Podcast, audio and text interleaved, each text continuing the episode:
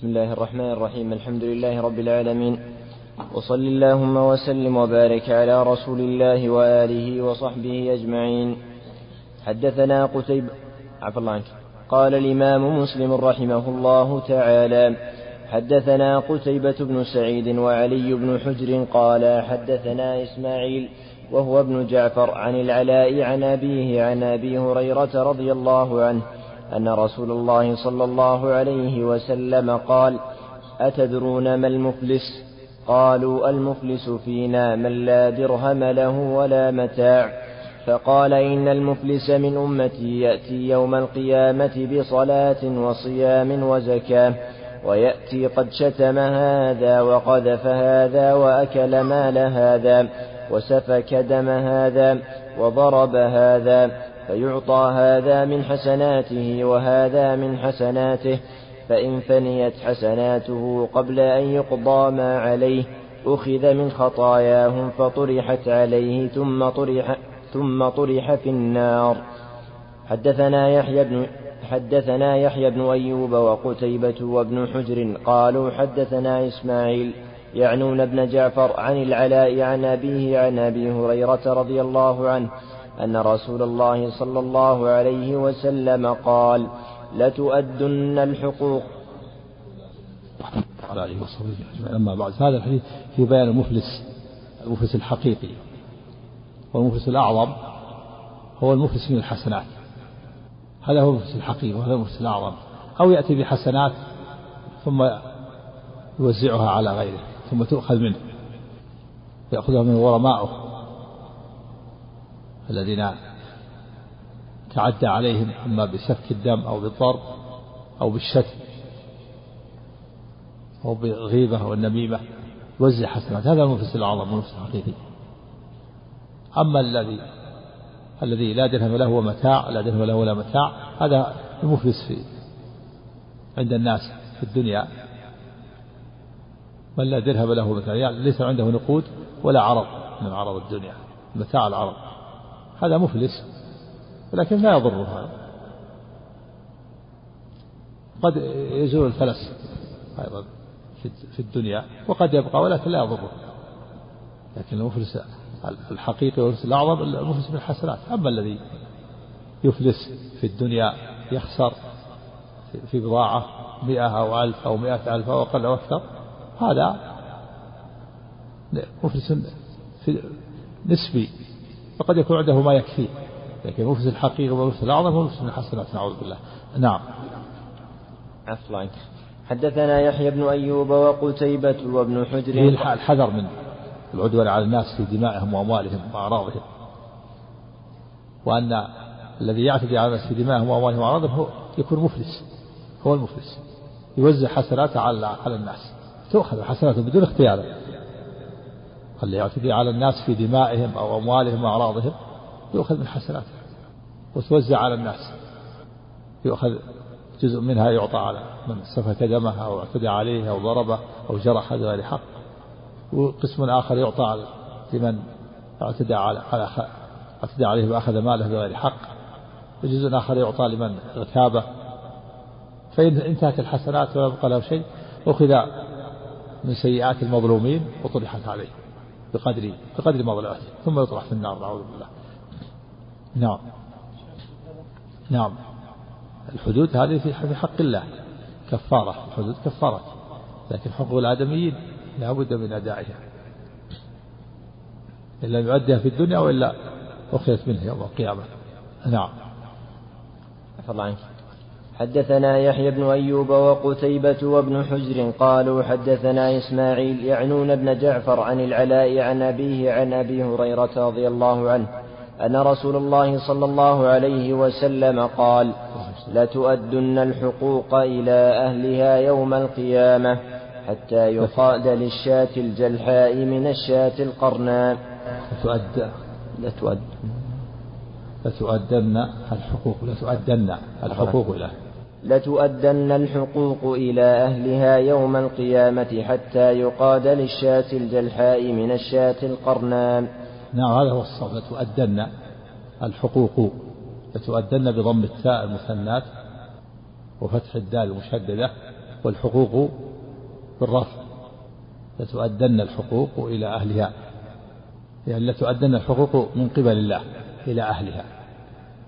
هذا هو ضبطها الحقوق. خلافا لبعضهم ضبطها بعض. الشرح ضبطها بالفتح والضم تؤدن الحقوق والحقوق والصواب أنها, أنها بالضم فقط. لتؤدن الحقوق. يعني ليس المعنى أن الحقوق تؤدى يؤدي الناس الحقوق. ليس المعنى أن الناس يؤدوا الحقوق. والمعنى أن الحقوق تؤدى من قبل الله إلى أهلها. لتؤدن الحقوق يعني من قبل الله إلى أهلها. وليس المعنى لتؤدن الحقوق من قبل الناس لتؤدن ولهذا الحقوق مضمومة لتؤدن الحقوق إلى أهلها يعني من من قبل الله. نعم. وفيه كمال عدل الله عز وجل وأن الحقوق تؤدى إلى أهلها يوم القيامة حتى الحيوانات. إذا اعتدى بعضها على بعض تقتص منه حتى يقال الشاة الجلحة من الشاة القرنة الشاة الجلحة هي التي لا قرن لها والقرنة هي التي لها قرون. فإذا نطحت الشاة القرن الشاة الجلحة بعثتا يوم القيامة فاقتصت الجلحة من أختها التي نطحتها. ثم يقول الله لها كوني ترابا. وفي دليل على أن الحيوانات تبعث يوم القيامة لكنها لا تحاسب. قال تعالى وإذا الوحوش حشرت. في إثبات البعث. وأن من أنكر البعث فهو كافر. قال الله تعالى زعم الذين كفروا لن يبعثون قل يا ربي لتبعثون الناس إذا ماتوا يبعثون تبعث الأجساد للأرواح. خلاف الفلاسفة الذي يقول بعث الأرواح وهذا كفر وضلال. الفلاسفة كفرة. يقول تبعث البعث الأرواح وأما الأجساد فلا تبعث. وهذا كفر. فالأجساد لا تبعث. ولو استحالت ترابا. الله تعالى يعيدها. مما استحالت منه. ولا يبقى إلا عجب الذنب هو الذي لا يبلى منه خلق ابن آدم ومنه ركب كما في الحديث. والحيوانات يختص بعضها من بعض ثم يقول الله لها كوني ترابا فعند ذلك يقول الكافر يا ليتني كنت ترابا. نعم. نعم. لا غير مكلفة. ما هي مكلفة؟ ما عليها تكاليف. ولكنها ولكن من كمال الله عدل الله أنه يختص بعضها من بعض إذا اعتدى بعضها على بعض يختص بعضها من بعض ولا ما عليه تكليف لا أمر ولا نهي. نعم. عنك. حدثنا محمد بن عبد الله بن نمير قال حدثنا أبو معاوية قال حدثنا بريد بن أبي بردة عن أبيه عن أبي موسى رضي الله عنه قال قال رسول الله صلى الله عليه وآله وسلم إن الله عز وجل يملي للظالم حتى إذا أخذه لم يفلته ثم قرأ وكذلك أخذ ربك إذا أخذ القرى وهي ظالمة إن أخذه أليم شديد. نعم ومعنى يملي يعني يمهل يمهله ويؤخره. وهذا من استدراج الله للظالم يستدرج بالنعم. فالله تعالى يملي له ويمهله. ويغدق عليه النعم ثم بعد ذلك يأخذه ويهلكه. إن الله لا يملي للظالم حتى إذا أخذ له يفلت ثم قال قول الله تعالى وكذلك أخذ ربك إذا أخذ القرى وهي ظالمة. إن أخذه أليم شديد. نعم. عفى الله عنك. حدثنا أحمد بن عبد الله بن يونس قال حدثنا زهير قال حدثنا أبو الزبير عن جابر رضي الله عنه قال اقتتل غلامان غلام من المهاجرين وغلام من الأنصار. فنادى المهاجر أو المهاجرون يا للمهاجرين. ونادى الأنصاري أو الأنصار يا للأنصار. فخرج رسول الله صلى الله عليه وآله وسلم فقال ما هذا دعوى أهل الجاهلية؟ قالوا لا يا رسول الله إلا أن غلامين اقتتلا فكسع أحدهما الآخر. فقال لا بأس ولينصر الرجل أخاه ظالما أو مظلوما إن كان ظالما فلينهه. فإن له نصر فإن فإنه له نصر وإن كان مظلوما فلينصره. حدثنا أبو بكر بن أبي شيبة وزهير بن حرب وأحمد بن عبدة الضبي وابن أبي عمر واللفظ, واللفظ لابن أبي شيبة. قال ابن عبدة أخبرنا وقال الآخرون حدثنا سفيان بن عيينة قال سمع عمرو جابر بن عبد الله رضي الله عنهما يقول كنا مع النبي صلى الله عليه وسلم في غزاة فكسع رجل من المهاجرين رجلا من الأنصار فقال الأنصاري يا للأنصار وقال المهاجري يا للمهاجرين فقال رسول الله صلى الله عليه وآله وسلم ما بال دعوى الجاهلية؟ قالوا يا رسول الله كسع رجل من المهاجرين رجلا من الأنصار. فقال دعوها فإنها منتنة فسمعها عبد الله بن أبي. فقال قد فعلوها والله لئن رجعنا إلى المدينة ليخرجن الأعز, ليخرجن الأعز منها الأذل. قال عمر رضي الله عنه دعني أضرب عنق هذا المنافق. فقال دعه لا دعه لا يتحدث الناس أن محمدا يقتل أصحابه. حدثنا إسحاق بن إبراهيم وإسحاق بن منصور ومحمد بن رافع قال ابن رافع حدثنا وقال الآخران أخبرنا عبد الرزاق قال أخبرنا معمر عن أيوب عن عمرو بن دينار عن جابر بن عبد الله رضي الله عنهما قال كسع رجل من المهاجرين رجلا من الأنصار فأتى النبي صلى الله عليه وسلم فسأله القود فقال النبي صلى الله عليه وسلم دعوها فإنها منتنة. قال ابن منصور في روايته عمرو قال سمعت جابرا. وهذا فيه النهي عن العزاء والتنادي بالعصبية والقومية وعزاء الجاهلية.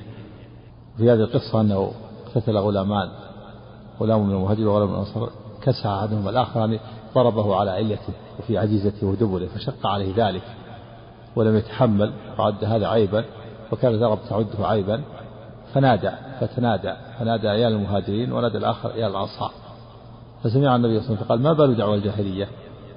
ولا في الآخر دعوها فإنها منتنة. أنكر النبي صلى الله عليه وسلم عليهم التنادي بالمهاجرين والأنصار وإن كان لقبان إسلاميان لقب المهاجرين لقب إسلامي. والمهاجر لقب الإنسان لكن فيه لما كان فيهما دعوة إلى التحزب والعصبية والتفريق بين المهاجرين والأنصار سماها النبي دعوة جاهلية. وإذا كان هذا إذا كان النبي أنكر العزاء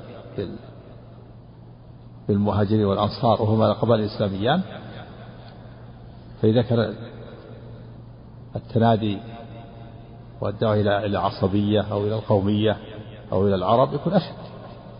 إذا قال يا لقحطان يا للعرب يكون أشد. هذه دعوة الجاهلية لما فيه من التحزب والتفريق. وإنما ينادي يقول أيها المسلمون يا مسلمون حتى ينصره كل أحد من المسلمين العرب ومن العجم. أما ينادي يقول يا للمهاجرين ويا الأنصار هذه تفرقة. تحزبات وعداوات. تفضي إلى الإحن والعداوات تفرقة بين المهاجرين والأنصار أو أو أو ينادي عصبية أو قومية ينادي قومه يا لقحطان يا لكذا يا لهذيل يا لعنزة أو يقول يا للعرب فرق بين العرب وبين العجم. هذا كل هذه دعوة الجاهلية. ولهذا قال دعوها فإنها منتنة. وإن كان تقبان إسلاميان لما كان في تحزب وتفريق تؤدي إلى اللحن والبغضاء سماها النبي دعوة الجاهلية. وإنما يقول أيها المسلمون يا مسلمون حتى ينصروا جميع المسلمين العرب والعجم. ثم قال انصر أخاك ظالما أو مظلوما. إن كان مظلوما فلينهى. ينهى عن الظلم فيكون هذلك نصر الله. إذا كان إذا كان ظالم ينهى عن الظلم فلينهى. يكون نصره بنهي عن الظلم وقد يكون نهي بضربه أو حبسه أو إقامة الحد عليه. حجه من الظلم كما في الحديث الآخر رسول الله ظالما أو مظلوما. قال رسول الله ينصره مظلوما فكيف ينصره ظالما؟ قال تحجزه وتمنعه من الظلم. إذا كان لا يحجز ولا من الظلم إلا بالضرب والحبس وإقامة الحد يكون هذا هذا النصر. وإن كان ينتهي بالنهي يكون هذا الرسول كما فلينهى. وفي اللفظ الآخر أنه أنه لما كسعه طلب من النبي صلى الله عليه وسلم أن يقيده فلم يقيده.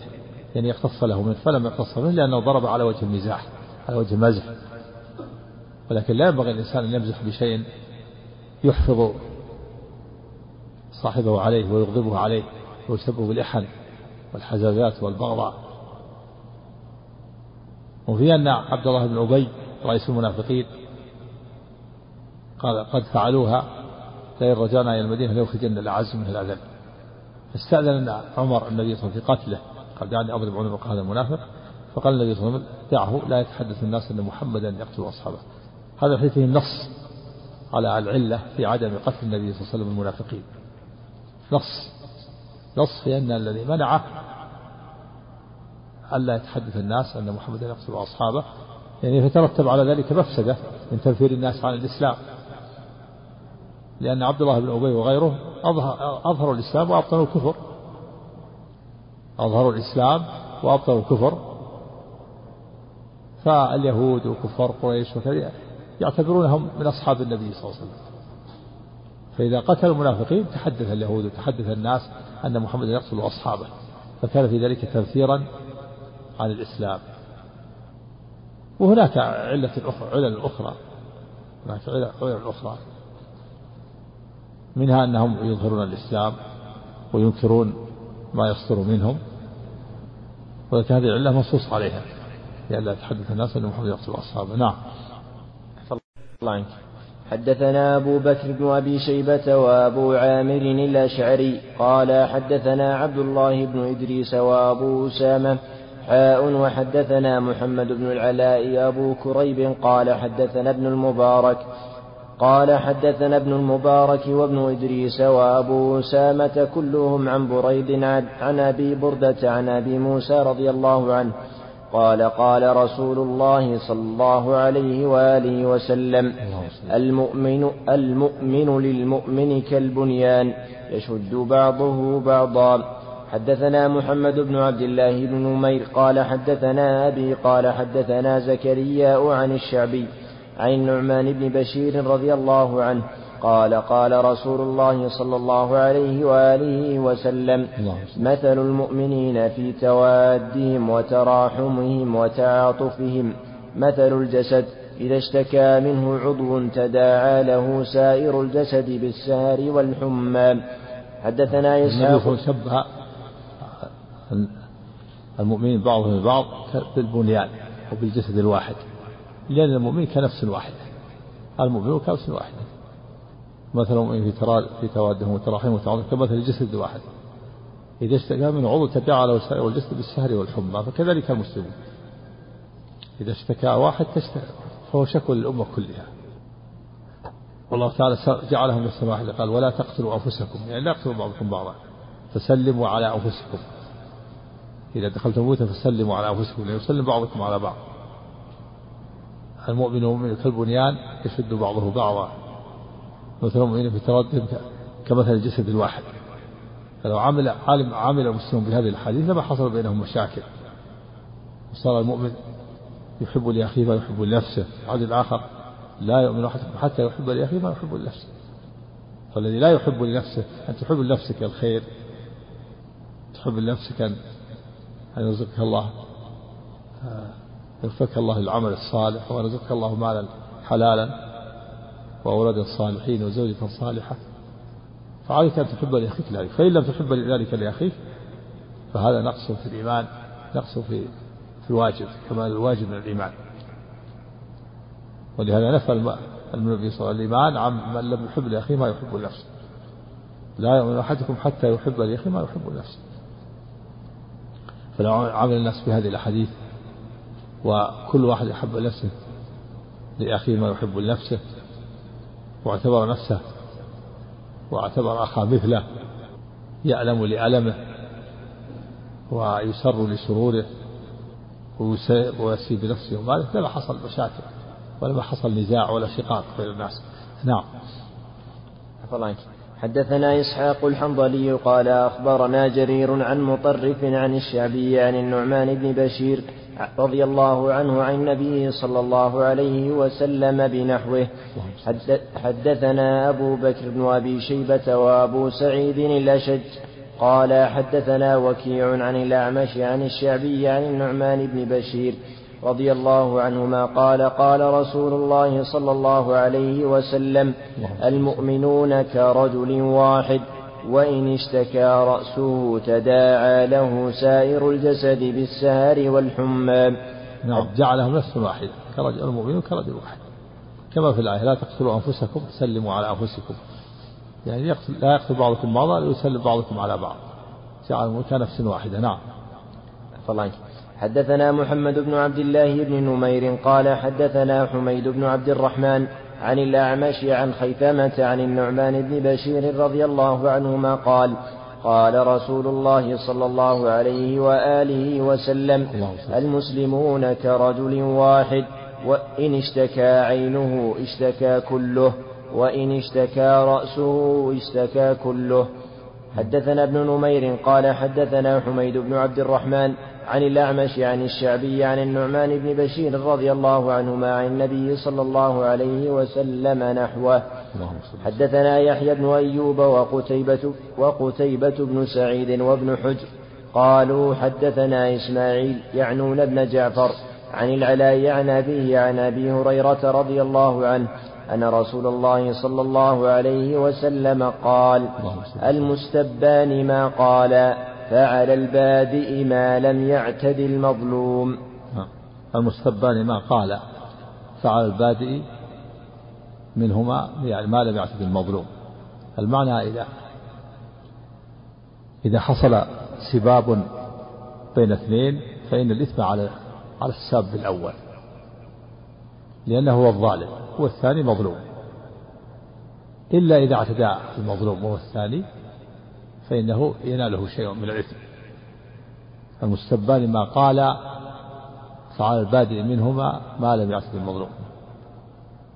يعني إذا تساب اثنان وحصل صدام بينهما فالإثم على الأول الساب الأول لأنه هو الظالم. والثاني ليس عليه إثم لأنه مظلوم لأنه أخذ بحقه إلا إذا اعتدى وزاد. وزاد على ما قال صاحبه. أو تعدى إلى غيره من أقاربه.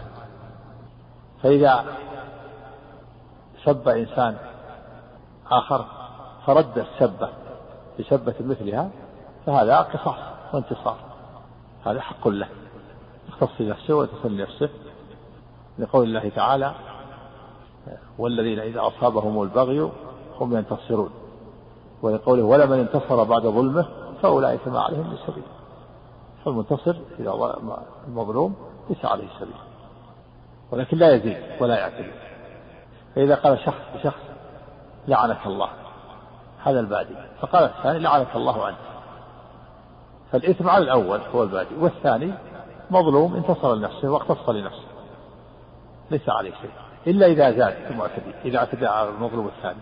فزاد. قال بالسب فقال لعنك الله قال لعنك الله لعنك الله مرتين. فالثانية ظلم عدوان. أو قال لعنك الله وأخزاك زاد على كلامه. هذا الظلم. أو قال أو سب والديه صار الثاني الآن اعتدى. أما إذا رد السب بسب مثلها من دون تكرار ومن دون زيادة فهذا انتصار واقتصاص. ومع ذلك فكون الثاني يعفو أفضل.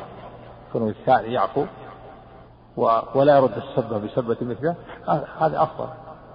يقول الله عز وجل ولمن صبر وغفر إن ذلك لمن عزم الأمور. من صبر وغفر ولقوله سبحانه فمن عفا وأصلح فأجره على الله. ولقوله في الحديث وما زاد الله بعد ما زاد الله عبدا بعفو إلا عزا ما زاد الله عبدا بعفو إلا عزا إذا صبر الثاني ولم يقتص نفسه ولم يرد السب بسب مثله فهو أفضل. يقول هذا ولمن صبر وغفر إن ذلك لم يعزل قال فمن عفا وأصلح فأجره على الله. ولما في الحديث وما زاد الله عبدا بعفو إلا عزا. نعم. والله. يجوز القصاص حتى وإن كان دعاء ها؟ اي نعم يجوز قصاص اللعن دعا عليه. اللعن هو الطرد والعياذ من رحمة الله. يقتص منه. رد السبب بسبب مثلها. نعم. لا ليس جهرا بالسؤال إلا من ظلم. لا هذا مظلوم. أقرأ. الآية كمل الآية. ذكر فوائل المصلين تسكت فوائل المصلين الذين هم أصحاب لا يحب الله الجرب بسم يقول إلا من ظلم. استثنى هذا مظلوم. نعم. عفى الله عنك.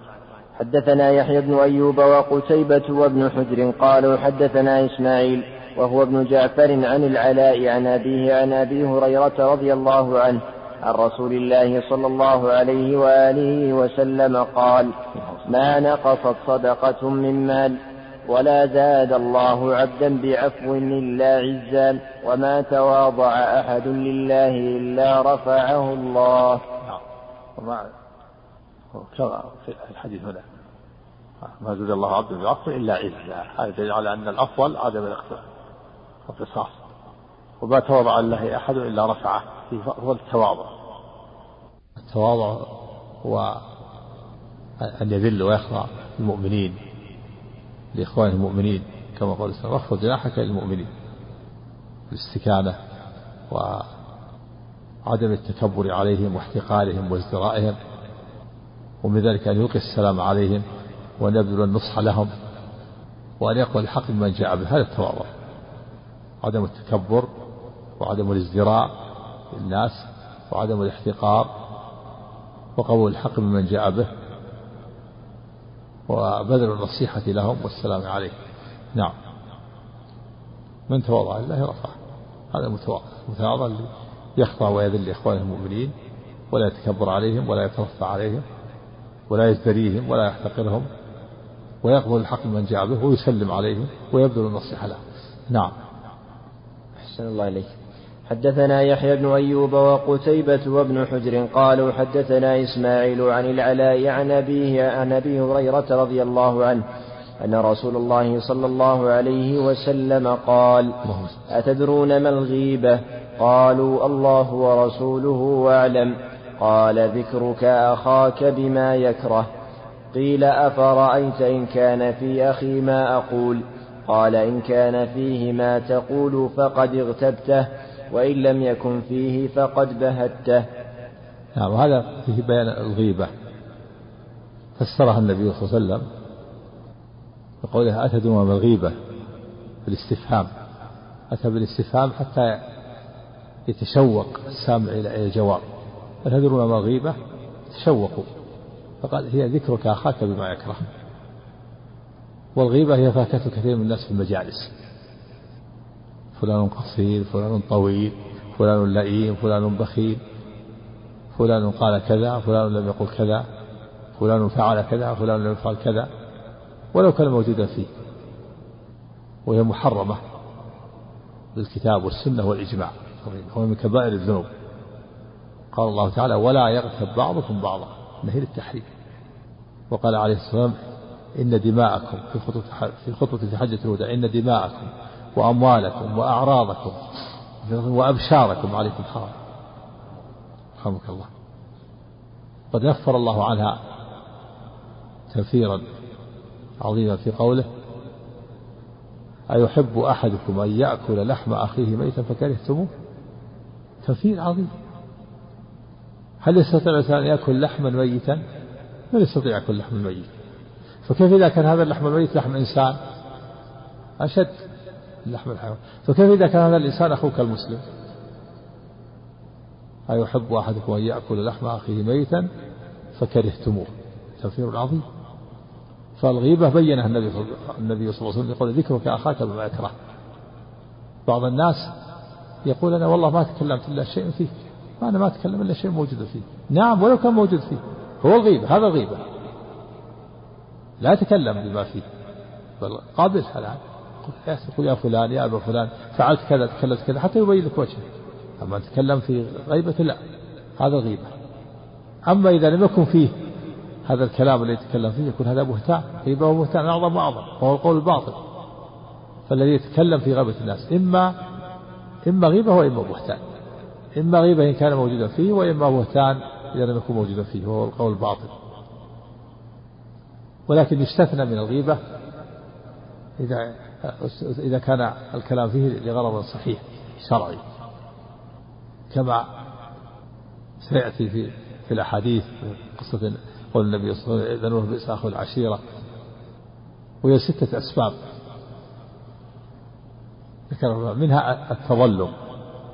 التظلم كان يضرب إنسان شخص في ماله ينكر حقه أو يجد حقه فهو مضطر يشتكيه ويقول لقاضي فلان ظلمني وفلان أخذ حقي.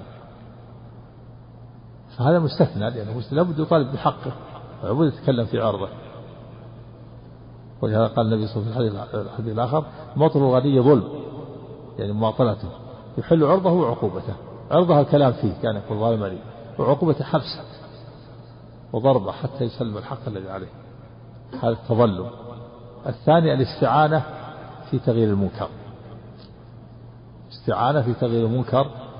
هناك منكر فأنت تريد تستعين ترفع للهيئة أو لل للعمارة أو للقاضي أو لبعض إخوانك يساعدونك في إنكار المنكر. تقول فلان يفعل المنكر هناك.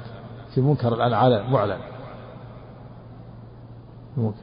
فهذا لا بأس به مستثنى والأمر الثالث الاستفتاء. يعني يريد أن يستفتي ويقول فلان أخذ حقي فلان كذا فعل كذا فهل لي من الحق كذا وكذا؟ كما استفتت هند بنت عتبة زوجة أبي سفيان وجاءت النبي صلى الله عليه وسلم وقالت يا رسول الله إن أبا سفيان رجل شحيح لا يعطيني ما يكفيني وبني فهل لي علي جناح أن أخذ من غير علمه؟ قال لا. قال لا جناح. خذي ما يكفيك وولدك بالمعروف. الرابع تحذير المسلمين من أهل الشر والفساد والمجرمين وأهل البدع يحذر من الفسقة والمجرمين. ولو كان هذا في غيبتهم لأن هذا نصيحة. نصيحة وليس غيبة. حذر من أهل البدع من الكفرة من الرافضة من اليهود من النصارى من أهل البدع. ومن ذلك جرح الرواة. جرح الرواة للمحدثين. أيوة هذا من باب النصيحة. يقول الرواة المحدثين يقول فلان ضعيف فلان كذا فلان يتكلم بالقدر فلان يرى مذهب الخوارج فلان رافضي. هذا غيبة لا ليس غيبة ولكن نصيحة استثنى تحذير. تحذير وفيه أيضا في يترتب عليها صحة الحديث معلوم تحذير من أهل البدع. فلان مبتدع يتكلم وفلان له مؤلفات خطيرة. فلان فيها آه، عقيدة فلان منحرفة. يتكلم في المؤلف الفلاني تحذر. هذا باب النصيحة. الخامس الفاسق والمبتدع المعلن فسقه وبدعته هذا لا غيبة له لأنه هو الذي فضح نفسه. إذا كان يعلن يعمل المولد أمام الناس مبتدع. فأنت حد فأنت تذكر بما فيه وهذا ليس ليس غيبة هو الذي فضح نفسه وأعلنه أو إنسان يفعل معصية أمام الناس. يجاهر يشرب الدخان في الشارع. فتقول فلان يشرب الدخان. هذا ما هو بغيبة هو هو اللي فضح نفسه. هو يشرب أمام الناس. أو يحلق لحيته. كل من مر به يراه حلق اللحية تكون فلان حليق اللحية هذا ليس بغيبة لأنه هو جاهر بهذا. أما الإنسان المتستر اللي في بيته وقع عليه بابه ولم يعلم أحد فهذا لا هذا لا يتكلم فيه الإنسان.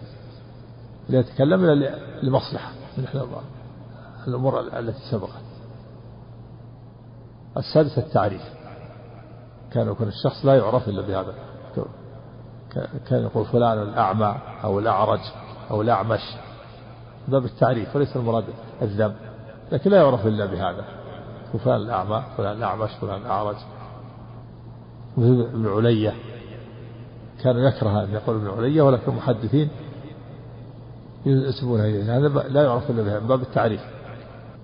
هذه الأمور الستة يستثنى تستثنى فيها. تستثنات من الغيبة. نعم. الله بعض الناس يرد الدعوة إذا أنكر عليه غيبة قال فلان فاسق ولا غيبة له. إذا كان معلن فسقة أو بدعة فلا بأس أما كان مستتر لا. حلق اللحية والدخان. إيه هذا هذا معلن صحيح. لأنه هذا كل واحد يشوفه كل واحد في الشارع يراه. إذا كان يشرب الدخان في الشارع لا بأس أما كان متستر لا. فينصح ينصح وبينه ولا يتكلم. وعفى الله عنك لا يتكلم في لحيته يتكلم في أمور أخرى. لا لا. لا لا ما ما يتكلم إلا في الشيء اللي أعلنه. نعم. نعم. هذا ما يجوز. ما يجوز إلا إذا كان باب النصيحة جاء يس- يستنصح. يعني أنت بدل النصيحة جاء يسألك مثلا عن حالة لأنك تريد أن تزوجه بنتك أو تريد أن تشاركه في عمل تبذل النصيحة. مثل ما جاء ثلاثة يخطبون فاطمة بنت قيس لما طلقت إلى النبي صلى الله عليه وسلم. جاء ثلاثة يخطبونها. أو تريد أن تشاركه في عمل تبذل النصيحة. مثل ما جاء ثلاثة يخطبون فاطمة بنت قيس لما طلقت إلى النبي صلى الله عليه وسلم.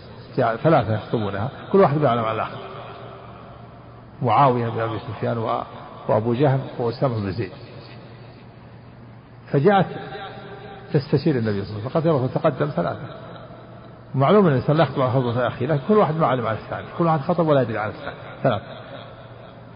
فقال النبي صلى الله عليه وسلم أما معاوية فصعلوك لا مال له. فقير. هذا معاوية بن سفيان الخليفة لكن بعد ذلك أغناه الله. وأما أبو جهل فلا ضع عصاه عن عاتقه. قيل معنى أنه ضراب للنساء وقيل معنى كثير الأسفار ثم قال إنك في أسامة. هل هذا غيبة؟ النبي صلى الله عليه وسلم. ها؟ ذم هذا قال الصعلوك هذا لا ضع هذا من باب النصيحة. لأن مضطر إلى هذا لابد من النصيحة لمن استشار استشارة هذا مستثنى. نصيحة بدل النصيحة مستثنى. وداخلة في أي أنواع الستة؟ ها؟ لا تعريف تعريف تعريف الشخص. نعم. لا مو استثناء لا أقصد أنه داخل آه، في الأمر الرابع التحرير. تحرير. باب التحرير لأن هذا نصيحة وليس وليس غيبة. تحذير من الأشرار والفسقة والتحذير ممن ممن يضر لها يضرون هذا. إذا كان فيهم صفات تضرها نعم. نعم مجهول؟ إذا كان مجهول الذوات يعني الذات لا يمكن تصف بأوصاف لا يمكن يعرفها أحد فلا بأس. أما إذا كان تصف بالصفات يمكن الحاضرين يعرفونه منها فلا. لكن تقول تكلم مثل ما كان النبي صلى الله عليه وسلم ما بال قوم يفعلون كذا وكذا. تلك الأوصاف. أما تقول شخص صفته كذا وكذا وتأتي بالصفات بحيث كل واحد يعرف يستطيع أن يستخرج من الصفات. هذا ما يصح. نعم. نعم. كيف حركة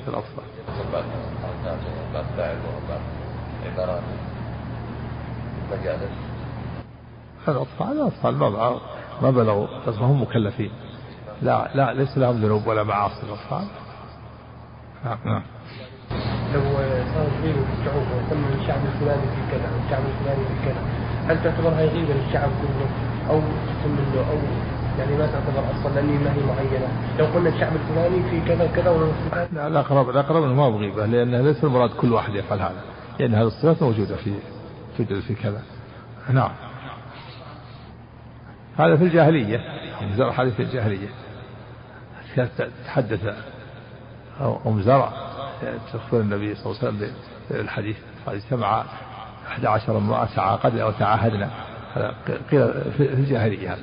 فقال النبي كنت لك كأم زرع لأبي زرع. كأبي زرع لأم زرع نعم. عفى الله عنك. حدثنا أمية بن بسطام العيشي قال حدثنا يزيد بن زريع. قال حدثنا روح عن سهيل عن أبيه عن أبي هريرة رضي الله عنه عن النبي صلى الله عليه وآله وسلم قال وسلم. لا يستر الله على عبد في الدنيا إلا ستره الله يوم القيامة. وهذه بشارة إشارة المؤمن لا يستر الله على عبد في الدنيا إلا ستر الله عليه في الآخرة. المعنى أن الله أن الله إذا ستر عيوبه ومعاصيه في الدنيا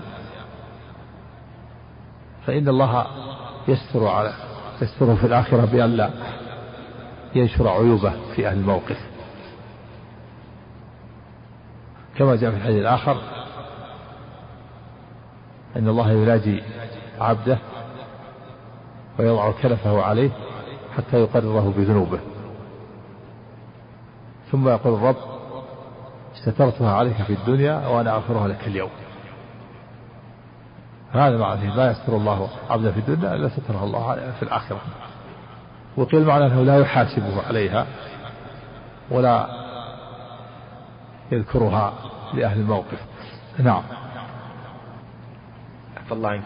حدثنا أبو بكر بن حدثنا أبو بكر بن أبي شيبة قال حدثنا عفان قال حدثنا وهيب قال حدثنا سهيل عن أبيه عن أبي هريرة رضي الله عنه عن النبي صلى الله عليه وآله وسلم قال لا يستر عبد عبدا في الدنيا إلا ستره الله يوم القيامة. نعم وهذا في مشروعية الستر على المسلم. إذا فعل معصية مع الإنكار عليه وبل النصيحة له وتخويف بالله إذا كان من ذوي من ذوي الهيئات الذين يستترون بستر الله. أما إذا كان من أهل الشر والفساد والمجاهد بالمعاصي والفسق فإنه لا ينبغي الستر عليه لأن الستر عليه يجرئه على المعاصي. وإنما يرفع به إلى ولاة الأمور. ولو كان في هذا ذكر الله لأنه معلن لأنه معلن بالفسق والمعاصي. والمعلن بالفسق والمعاصي لا غيبة كما سبق من الأمور الستة. إذا لم يترتب على هذا مفسد أكبر فإنه يرفع به ولاة الأمور حتى يرجع حتى لا يتجرأ لأن العفو عنه يجرئه على الشر والفساد. أما إذا كان من ذوي الهيئات حصل عثرة وزلة. هذا يسر عليه مع النصيحة له مع النصيحة له وتخويف بالله أو آه تأديبه بين أهل الحي يؤدبونه بما يليق بالضرب بما يليق به ويستر عليه ولا يرفع به إلى الحاكم الشرعي حتى يقام عليه الحد. ومثله أيضا آه الشخص الذي يحصل منها آه يعني عدوان على أحد من شخص حصل منها مثل قتل لشخص عن طريق الدهس أو غيره أو الخطأ أو أو ما أشبه ذلك. فهل يعفى عنه أو لا يعفى عنه؟ هل نقول لأولياء القتيل اعفوا عنه؟ الأفضل أن تعفو عنه. تقول إن كان هذا الشخص يعني ما هو معروف عنه ليس له سوابق. وإذا حصلت له زلة يعفى عنه. وأما إذا كان من أهل السوابق المتهورين حصل لهم سوابق فلا فينبغي ألا يعفى عنه. بل يطالب بالقصاص أو الدية لأن العفو عنه يجرع على يجرع على التهور وعلى تكرار مثل ذلك. له له سوابق. نعم. نعم. لا الصغائر أمرها سهل. السبة الخفيفة واللطمة الخفيفة أمر سهل. محصول بينه وبين جاره أمرها تكفر باجتناب باجتناب الكبائر وأداء الفرائض نعم. أحسن الله عليك حدثنا قتيبة بن سعيد وأبو بكر بن أبي شيبة وعمر الناقد وزهير بن حرب وابن نمير. نعم مثل مثل لو حصل نعم الصغائر قد لأنها قد تكون مقدمة في الكبائر. مثل حصل من شخص أنه مكالمة مع امرأة أجنبية أو أو خلوة. نعم أو نظر أو ما أشبه ذلك ثم اطلع عليه وليس له سبب. هذا هو اللي يؤدب وينكر عليه ولا يرفع به. لأن إذا رفع به إلى المحكمة فإنه يعزر بالجلد والضرب والسجن. هذا ينصح ويوبخ تكلم أما إذا كان له ثواب وتكلم وحصل له ثواب كثير ولم يفد فيه هذا يرفع يروح إلى المحكمة حتى يحكم عليه بالجلد أو السجن. يكون تعزير قوي يرضعه. نعم. وإن كان هذه صغير لكنها مقدمة نعم. نعم. صحيح. لكن هذا الشخص معروف عنه الاستقامة والصلاح معروف عنه ما سبق أنه صدر من هذا. ويرى ويرى هذا الشخص أو الحي يرون أن أن هذا كافي في يكون وبخ أو يكون يزجر يكتب عليه تعهد عند الهيئة أو يجمعه أهل الحي ويؤدبونه ويوبخونه ويكتب عليه تعهد أو يضربونه فيما بينهم. كافي هذا. لأنه ما سبق له سابق هذه أول مرة. بخلاف اللي يتكرر منه. يتكرر منه ينبغي أن يرفع فيؤدب. نعم. أحسن الله عليك حدثنا قتيبة بن سعيد وأبو بكر بن أبي شيبة وعمر الناقد وزهير بن حرب وابن نمير كلهم عن ابن عيينة واللفظ لزهير. قال حدثنا سفيان وهو ابن عيينة عن ابن المنكدر أنه سمع عروة بن الزبير يقول حدثتني عائشة رضي الله عنها أن رجل أن رجلا استأذن على النبي صلى الله عليه وآله وسلم فقال ائذنوا له فلبئس ابن العشيرة أو بئس رجل العشيرة. فلما دخل عليه ألان له القول قالت عائشة رضي الله عنها فقلت يا رسول الله قلت له الذي قلت ثم ألنت له القول. قال يا عائشة إن شر الناس منزلة عند الله يوم القيامة من ودعه أو تركه الناس اتقاء فحشه حدثني محمد بن رافع وعبد بن حميد كلاهما عن عبد الرزاق قال أخبرنا معمر عن ابن المنكدر في هذا الإسناد بمثل معناه غير أنه قال بئس أخو القوم وابن العشيرة. وهذا حديث مشروعية المداراة. مداراة من اتقى فحشه وشره بإلانة القول له مع التحذير منه في غيبته. مشروعية المداراة لمن اتقى فحشه وشره بإلانة القول له مع التحذير في غيبته من شره. كما فعل النبي صلى الله عليه وسلم فإنه استأذن عليه شخص فقال ائذنوا له بئس أخو العشيرة. بئس ابن العشيرة وفي رواية بئس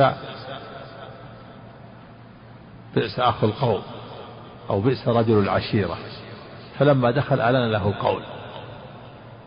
فقالت عائشة يا رسول الله قلت ما قلت ثم أعلنت له القول. قال إن من شر الناس من ودعه الناس ومن ترك الناس اتقى فحشه. وأما المداهنة فإنها حرام لا تجوز.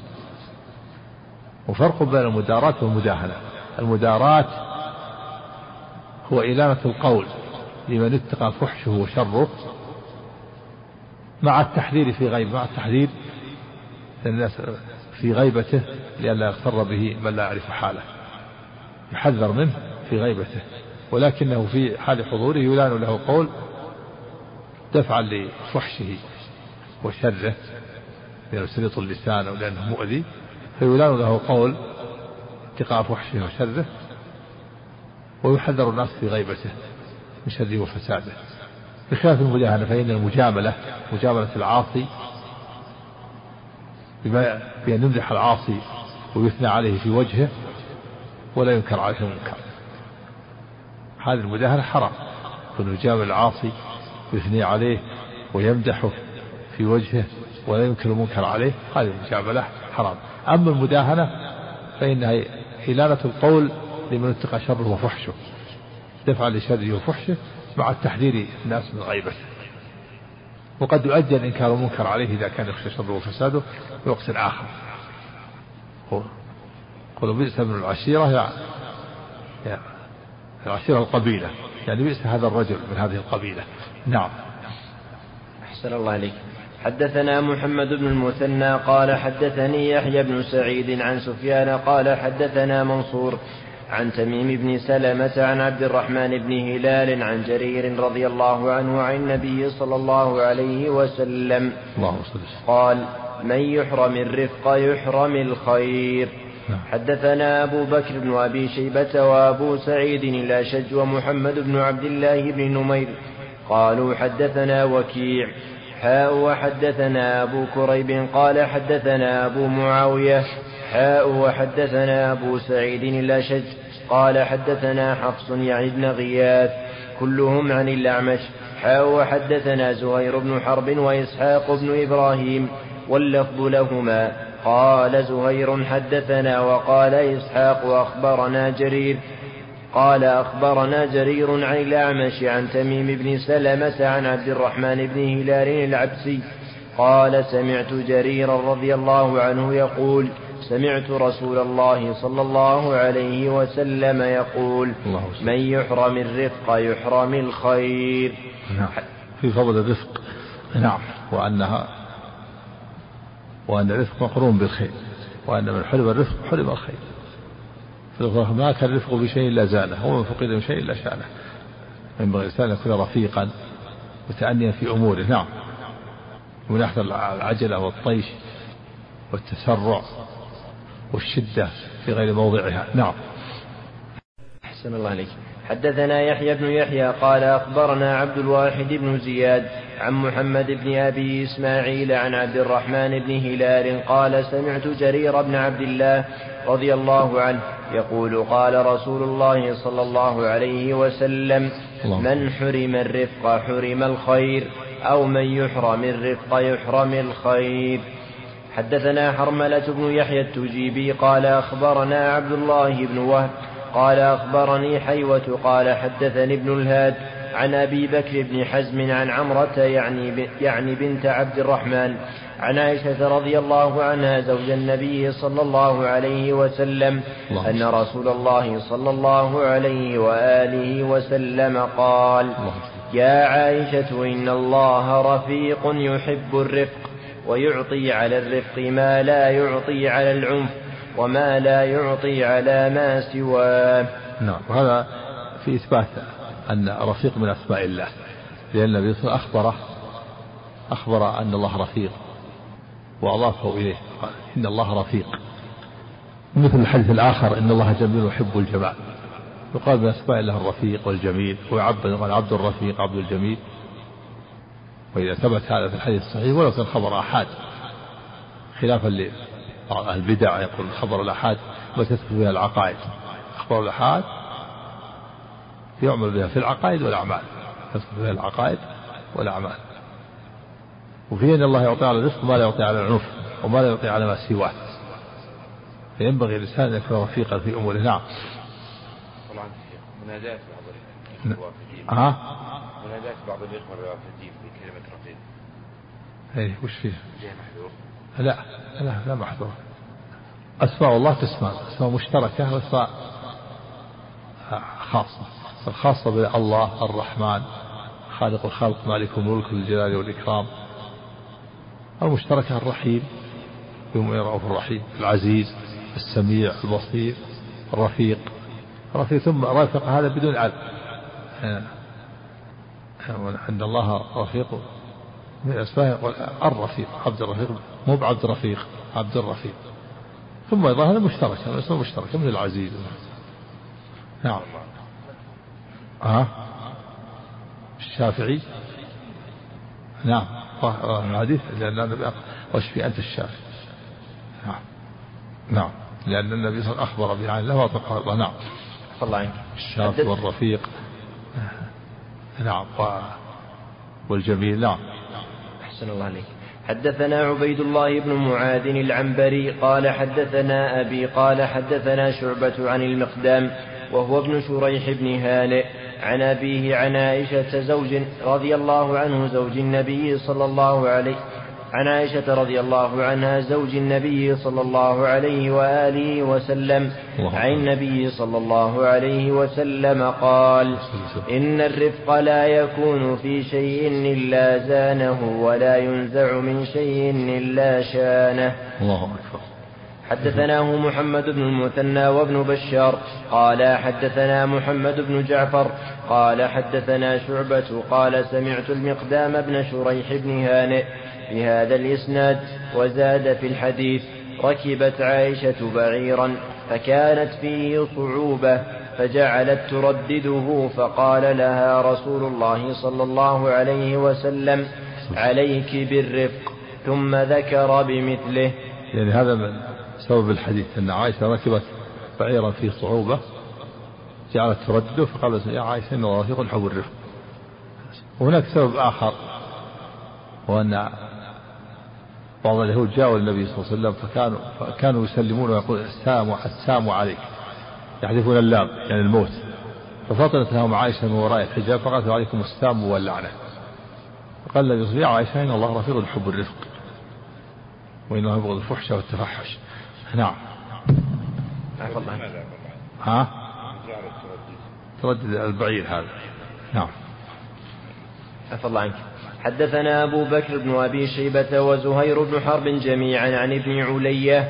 قال زهير حدثنا إسماعيل بن إبراهيم. قال حدثنا أيوب عن أبي قلابة عن أبي المهلب عن عمران بن حسين رضي الله عنه قال بينما رسول الله صلى الله عليه وسلم في بعض أسفاره وامرأة من الأنصار على ناقة فضجرت فلعنتها فسمع ذلك رسول الله صلى الله عليه وآله وسلم فقال خذوا ما عليها ودعوها فإنها ملعونة. قال عمران رضي الله عنه فكأني أراها الآن تمشي في الناس ما يعرض لها أحد. حدثنا قتيبة بن سعيد وأبو الربيع قال حدثنا حماد وهو ابن زيد. حاء وحدثنا ابن أبي عمر قال حدثنا الثقفي. كلاهما عن أيوب بإسناد إسماعيل نحو حديثه. إلا أن في حديث حماد قال عمران رضي الله عنه فكأني ينظر إليها ناقة ورقاء وفي حديث الثقفي فقال خذوا ما عليها وأعروها فإنها ملعونة. أعروها يعني جردوها. ورقاء فيها ورق فيها بياض فيها في الورقاء يعني فيها شيء من البياض وفيها من الأدمة نعم. فأعروها يعني خذوا ما عليها جعلوها أعروها يعني أخلوها مما عليها من الأمتعة. وكان هذه هذه الجارية كان بلغها النص هذه تعزير باب التعزير. أمر النبي صلى الله عليه وسلم بأن تترك. نعم. أحسن الله عليك. حدثنا أبو كامل الجحدري فضيل بن حسين قال حدثنا يزيد يعني بن زريع قال حدثنا التيمي عن أبي عثمان عن أبي برزة الأسلمي رضي الله عنه قال بينما جارية على ناقة عليها بعض متاع القوم إذ بصرت إذ بصر إذ بصر إذ بصرت بالنبي صلى الله عليه وسلم. بصرت. عفوا. إذ بصرت بالنبي صلى الله عليه وسلم. وتضايق بهم الجبل. فقالت حل اللهم العنها؟ قال فقال النبي صلى الله عليه وسلم لا تصاحبنا ناقة عليها لعنة. حدثنا نعم. محمد فيه النهي عن النبي نهى عن مصاحبتها الناقة الملعونة ولهذا أمر بأن يؤخذ ما عليها من الأمتعة وتعرى ويخلى سبيلها باب التعزير لهذه الجارية كأنه بلغها النهي. ذكر النووي أن هذا خاص خاص بمصاحبتها للنبي صلى الله عليه وسلم. وأما بقية التصرفات فليست ممنوعة. بيعها وذبحها وركوبها في غير مصاحبة النبي صلى الله عليه وسلم كل هذا مسكوت عنه تبقى لها الأحكام الأخرى. ليس معنى ذلك أن حرام ما تذبح ولا يركب عليها في غير ولا ترك يعني لا تؤكل ولا تباع. بل تؤكل تباع يركب عليها في غير مصاحبة النبي صلى الله عليه وسلم لكن لا تصاحب النبي صلى الله عليه وسلم. هذا كرنا وهذا قول وجيه يعني. قال لا تصاحبنا ناقة ملعونة. وكان هذا تعذير لهذه الجارية لأن يعني بلغها النهي. نعم. أحسن الله عليك. حدثنا محمد بن عبد الأعلى قال حدثنا المعتمر حاء وحدثني عبيد الله بن سعيد قال حدثنا يحيى يعني بن سعيد جميعا عن سليمان التيمي بهذا الإسناد وزاد في حديث المعتمر لا أيم الله لا تصاحبنا راحلة عليها لعنة من الله أو أيم كما قال. أيم الله قصر يعني أيم الله نعم. أحسن الله عليك.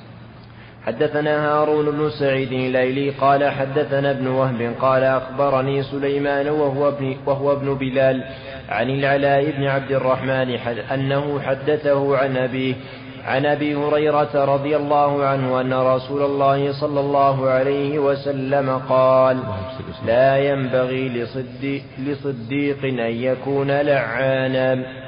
نعم صديق قوي قوي الإيمان. هذه صيغه مبالغة الصديق قوي تصديقه وإيمانه. لا ينبغي أن يكون لعانا. ويدخل الصديق أهل العلم وأهل البصيرة الذين يعلمون الناس هم الصديقون. كما في الحديث الآخر تعلم العلم تعلم العلم وقرأ القرآن فيك. والثاني الشهيد والثالث الصالح. فهذا العالم هو الصديق العالم الذي يعمل بعلمه ويعلم الناس. ولا ينبغي له أن يكون لعانا ولا يليق به. يكون يعود لسانه على اللعن. لا ينبغي ولا يكون يكون من هذا. نعم. نعم. لا. من لعنه الله ورسوله مستثنى. لعن السارق لعن الزاني لعن الشارب وعلى وجه العموم. لكن يلعن شخص بعينه أو دابة أو لا أو ما أشبه ذلك. نعم. ها؟ يخلي شوف خلي كمل الكلام عشان نشوف نعم. أحسن الله عليك. حدثني أبو كريب قال حدثنا خالد بن مخلد عن محمد بن جعفر عن العلاء بن عبد الرحمن بهذا الإسناد مثله. حدثني سويد بن سعيد قال حدثني حفص بن ميسرة عن زيد بن أسلم أن عبد الملك بن مروان بعث إلى أم الدرداء بأنجاد من عنده فلما أن كان ذات ليلة قام عبد الملك من الليل فدعا خادمه فكأنه أبطأ عليه فلعنه فلما أصبح قالت له أم الدرداء سمعتك الليلة لعنت خادمك حين دعوته؟ فقالت سمعت أبا الدرداء رضي الله عنه يقول قال رسول الله صلى الله عليه وسلم لا يكون اللعانون شفعاء ولا شهداء يوم القيامة. نعم. الأنجاد يعني شيء يزين به البيت من الامتعة والفرش لا يكون اللعان شهداء ولا شفعاء يوم القيامة. قيل ما يكون شهداء ليشهدون على الناس. الأمم السابقة بتبليغ رسالات ربهم. وقيل معنى لا تقبل شهادتهم في الدنيا. وقيل معنى لا يرزقون الشهادة يوم القيامة. ولا شك أن اللعان قد قد يكون هذا قدح في شهادته لكن كثير اللعن.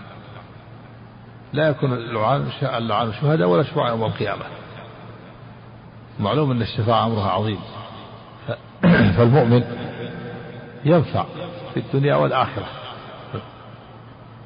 المؤمن ينفع إخوانه في الدنيا بالشفاعة وبتوجيهه وإرشاده وبماله وببدنه وفي الآخرة ينفع يشفع يشفع لمن يستحق الشفاعة من العصاة الموحدين. فاللعان والعياذ يحرم من هذه الفضيلة. يحرم من الشهادة في الدنيا ويحرم من الشفاعة في الآخرة. لا يكون لعن الشهداء ولا شفاعة يوم القيامة. وفيه تحذير الإنسان من في في قصة المرأة التي لعنت وعزرها النبي صلى الله عليه وسلم بأن تترك الناقة فيه أن ينبغي الإنسان أن يعود لسانه على الكلام الطيب. وإذا كان الإنسان لا يلعن الدابة حتى الدابة لا يلعنها فالآدمي من باب أولى. إذا كان لا يلعن الدابة لا ينبغي الإنسان يلعن الدابة. ولا يلعن الجماد.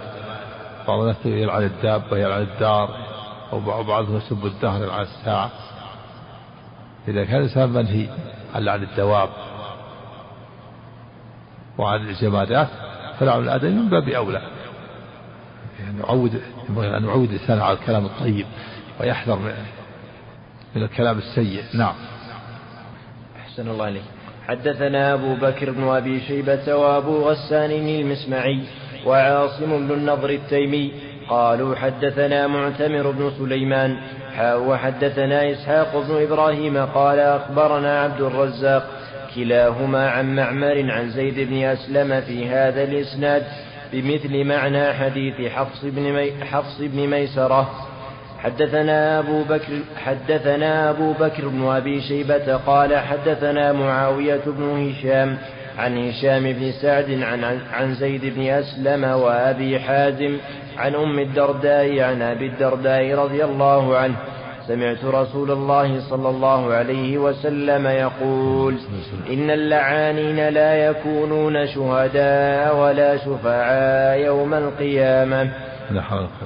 حرمان حرمان في الدنيا وفي الآخرة. نعم. عفى الله عنك.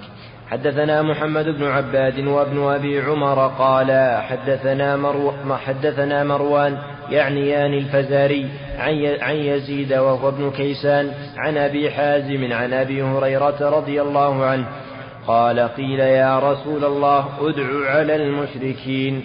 قال إني لم أبعث لعانا وإنما بعثت رحمة. عليه الصلاة والسلام. ينبعث لعانا وينبعث رحمة. فلذلك ينبغي الإنسان أن يقتدي بنبيه فلا يكون لعانا فإنه يكون رحمة. وهو الأسوة عليه الصلاة والسلام قال الله تعالى قال الله تعالى لقد كان في رسول أسوة حسنة. فالنبي صلى الله عليه وسلم يبعث لعانا وإنما يبعث رحمة. نعم. أحسن الله إليك. حدثنا زهير بن حرب قال حدثنا جرير عن الأعمش عن أبي الضحى عن, عن مسروق عن عائشة رضي الله عنها قالت دخل على رسول الله صلى الله عليه وسلم رجلان فكلماه بشيء لا أدري ما هو فأغضباه فلعنهما وسب على حديث عائشة.